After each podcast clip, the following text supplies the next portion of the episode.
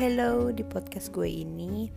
Eh, lo bakal nggak ngedengerin yang penting sih cuman mengambil pelajaran hikmahnya dari apa yang ada di podcast ini. Oke? Okay? terima kasih. He.